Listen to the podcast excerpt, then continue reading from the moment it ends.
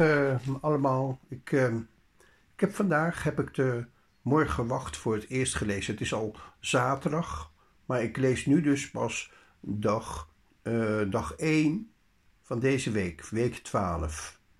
En dat begint eigenlijk met het hoofdstuk over Deuteronomen 30. En dan wordt er 15 en 16 genoemd. Nou, wat, wat, het hele boek Deuteronomen, dat, ja, dat is toch wel een belangrijk boek. Want dat, dat gaat over iemand die uh, niet onbelangrijk is in de Bijbel. En dat, dat, dat is een man die heet Mozes. Mozes die neemt mensen mee. Uh, en die gaat ook de bergen op een keer om, om met God te praten. En hij is heel belangrijk. Want hij hij gaat naar boven, naar de berg, om de regels van God op te halen. En die uh, brengt hij mee terug. De eerste keer dat hij dat doet, weet ik nog goed. Ja, dan was hij te lang weg, weggebleven voor, voor, voor al, al, het volk. En die waren ongehoorzaam geweest. En hadden ze uh, eigenlijk uh, allemaal zelf maar een afgod gaan maken. Een groot beeld met allemaal sieraden. We hebben ze gesmolten en een groot kalf gemaakt. Een gouden kalf. Ja, tegenwoordig heb je ook nog steeds een, ijdelbeeld dat heet het Gouden Kalf. Dat geven ze als een prijs. Ik begrijp er eigenlijk helemaal niks van dat ze dat het Gouden Kalf noemen. Nou, maar dat is de prijs voor de beste, beste film die er gemaakt wordt in Nederland. Oké, maar hier gaat het dus over niet een ijdelbeeld. Hier gaat het over het goede beeld. Uh, uh, dit hele hoofdstuk van Deuteronomie 30 gaat eigenlijk over het kiezen. Wat moet ik kiezen? Uh, moet ik kiezen tussen leven of moet, moet ik kiezen tussen dood? Of moet ik kiezen tussen goed of moet ik kiezen tussen kwaad? Daar gaat Deuteronomie nummer 30 helemaal over. Over de, het maken van de goede keuze. En dan moet ik gelijk denken aan een liedje wat ik vaak op straat heb gezongen. En daar staat dus exact wat hier in Deuteronomie 30 ook genoemd wordt. Elke regel is gemaakt met een reden. En ik zal het even zingen voor jullie. Elke regel is gemaakt met een reden. Elke regel is gemaakt met een reden. Regels zijn er nooit zomaar, maar met een reden, ja echt waar. Elke regel is gemaakt met een reden. Nou, dat, dat liedje dat slaat dus helemaal op Deuteronome 30. Maar dan moet je het wel helemaal lezen. Het is eigenlijk ook best wel een leuk verhaaltje. En eigenlijk, toen ik het zo las, toen moest ik ook gelijk denken aan een verhaal van iemand die, die geboren werd. En uh, ja, in een, in een volk van allemaal, uh, ja, ja, een volkje van, van, ja, een soort dwergen, dwergvolkje. En daar werden alle mensen altijd geboren met, zonder haar. Ze hadden nooit haar. Maar heel af en toe gebeurde het wel eens dat er iemand geboren werd met haar. En als je met haar geboren was, dan, dan, was je anders dan de rest. Dan was je heel anders en dan was je nieuwsgierig en dan wilde je dingen doen die, die eigenlijk niet mochten. En, en zo kwam het voor in dat verhaal. En uh, ja, ik, ik weet wie dat geschreven heeft, want ik heb de vrouw, uh, die, die, leeft nog steeds en die woont nog steeds in Nederland. Uh, wat ik, wat ik ook helemaal niet wist dat ze dat, ja, dat ze, dat ze, wie zij was, wist ik niet. Maar ik heb dat, ik heb de bedenker van, het, van dat verhaal over dat ongehoorzame jongetje, heb ik mogen spreken. En dat is best wel een hele bijzondere mevrouw. Het is nou een oud vrouwtje geworden, maar uh, ze is ooit een, ja, een, jonge moeder geweest. Van, van drie kinderen. En uh, het grappige is dat juist ze, ze, uh, ze, ze was eigenlijk de vertaalster van uh, een van de bekendste kinderboekenschrijfsters van, van, van, de, van, van Europa. En dat is de kinderboekenschrijfster Astrid Lindgren. Nou zou je die naam niks zeggen natuurlijk, maar misschien heb je wel eens gehoord van Pippi Langkous. Of Carson van het Dak. Of de gebroeders Leeuwenhard. Dat zijn in Nederland allemaal boeken geworden die verfilmd zijn gegaan, uh, geworden en uh, ja, die heel veel uh, ja, gelezen en beleefd zijn. Iedereen vond ze prachtig. En jullie ouders zijn er vast en zeker mee opgegroeid. Want ja, ja, ja ik, ik, als, je, als je opgroeit, dan luister je naar verhalen die je leuk vindt en die je prachtig vindt. En dan neem je dat automatisch over. En dat is gewoon dus ook zo met alle woorden die in de Bijbel staan. En eigenlijk neemt God je mee naar, naar, naar juist de verhalen die goed voor je zijn. Of die verhalen van Pippi Langkous allemaal even goed zijn voor je, dat, dat weet ik niet. Daar heb ik een paar, een paar vraagtekens bij gekregen toen ik, toen ik die schrijfster ontdekte.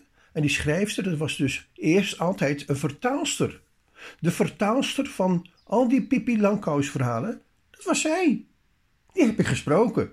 En dat vind ik best wel leuk dat hij die gesproken heeft. Maar zij is dus zelf, toen zij in een scheiding zat met haar man, is zij zelf gaan schrijven. Ja, ze moest het alleen doen, stond helemaal alleen voor alles. Net zoals trouwens uh, Astrid Lindgren zelf, dat weten heel veel mensen ook niet. Eigenlijk Astrid Lindgren zelf, die, die, die heeft ook een hele onaardige man getroffen, blijkbaar. Die, uh, die haar achterliet, of dat ze ja, in ieder geval alleen zelf moest, uh, verder moest. En, en toen moest ze het allemaal zelf doen.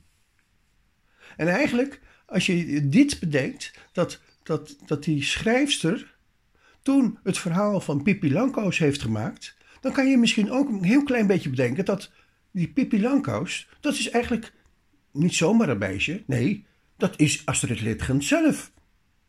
Want zij moest alles in haar eentje doen. Zij moest alleen voor de kinderen zorgen. En dat was heel erg moeilijk. Maar van die onmogelijke taak heeft ze toch iets willen kunnen maken. Ze, ze schreef Pippi Langkous.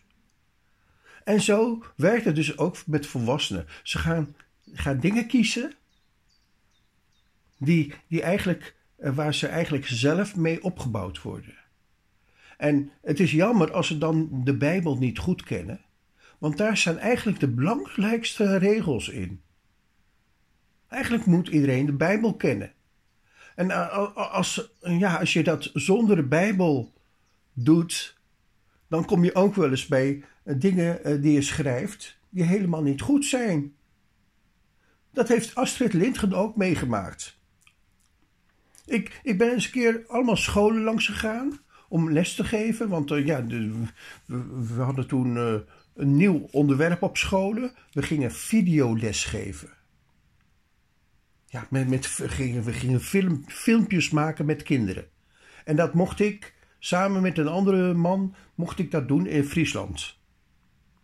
En dat heb ik ook gedaan. Dat vond ik heel leuk. Maar dan gingen we dus, ja, al die kinderen gingen we een film vertonen. Hadden we zo'n echte grote oude filmprojector. Uh, met, met, met zo, uh, allemaal van die grote banden. En daar, daar, gingen we een film mee vertonen. En dat was een film van Astrid Lindgren. En die film die heette De Gebroeders Leeuwenhard. Nou, nou is dat een prachtig verhaal, echt waar. Heel mooi gefilmd ook. Maar één ding. Ja, er was... Uh, het hele land van waar, waar Astrid Lindgren vandaan kwam, was daar niet zo blij mee. Uh, er kwamen zelfs protesten in voor. Mensen gingen massaal protesteren tegen Astrid Lindgren. Nou, dit is iets wat jullie ouders waarschijnlijk ook helemaal niet weten. Maar omdat ik daarmee bezig ben geweest, weet ik dat allemaal. Ik weet dat zij een uh, uh, verhaal laat beginnen. En hoe het eindigt. En als je dat weet, ja, dan kan je daar een paar vraagtekens bij hebben. Het begint namelijk bij een droom. Het gaat over een kindje. De gebroeders Leeuwenhard gaat over een kindje dat eigenlijk in een brandend huis zit. En eigenlijk, ja, bijna niet meer gehandicapt is, in een rolstoel zit. En ja, achtergebleven is in een huis wat in brand staat. Nou, dan gaat er dus een uh, oudere broer gaat daar naartoe. En hij probeert zijn broertje met die, uh, in die rolstoel te redden. Nou, het is eigenlijk een vreselijk verhaal waar het, mee, waar het mee begint alleen al. Hij vindt dat broertje en dan ja, is er geen einde meer aan. Hij is omsloten door allemaal vuur. En uiteindelijk komen ze beiden om het leven. Maar Astrid Lindgren heeft dat gemaakt als het begin van het leven. Zij maken een sprong door de vlammen en dan, dan ontstaat er een verhaal over een wereld waar het jongetje niet meer gehandicapt is. En dus uh, is een wereld waar alleen maar uh, dingen zijn die, die, die, die, die het jongetje eigenlijk heel graag wilde. Hij wilde altijd graag paardrijden en hij, nou, hij wilde in een mooie omgeving wonen met allemaal bloemen en een mooie natuur. Nou, en dan na die sprong, dat ze eigenlijk in de dood gekomen, ontstaat er een wereld met allemaal bloemen en allemaal. Uh, uh, hij heeft, heeft dat jongetje zelfs een paard, is hij niet meer gehandicapt. En, uh, nou, een geweldige droom. En, en zijn broer was er natuurlijk ook bij, zijn oudere broer. En ze waren allebei heel erg blij dat ze daar terechtgekomen waren. Ze waren niet meer in de dood. En dan gaat er een verhaal beginnen en het verhaal, dat is een heel spannend verhaal. Want ja, misschien denk je dat, dat het een paradijs was, maar het was niet het paradijs.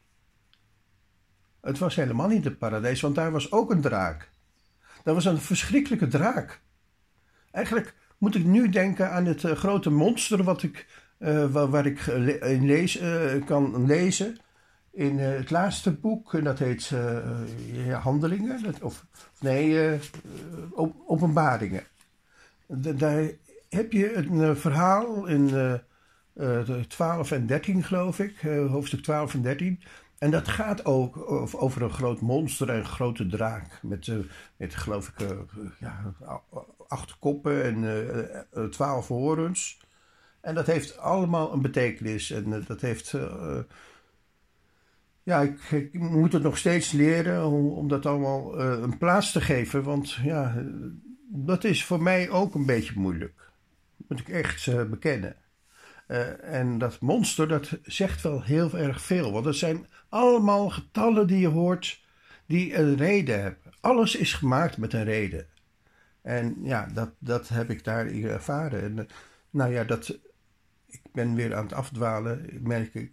Maar in ieder geval, regels zijn belangrijk. En met het boekje van, uh, van, van, van, die eh, vertaalster van Astrid Lindgren.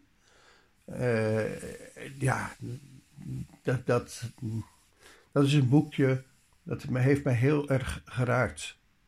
Zelfs in 2003, toen heb ik dat boekje weer op willen zoeken.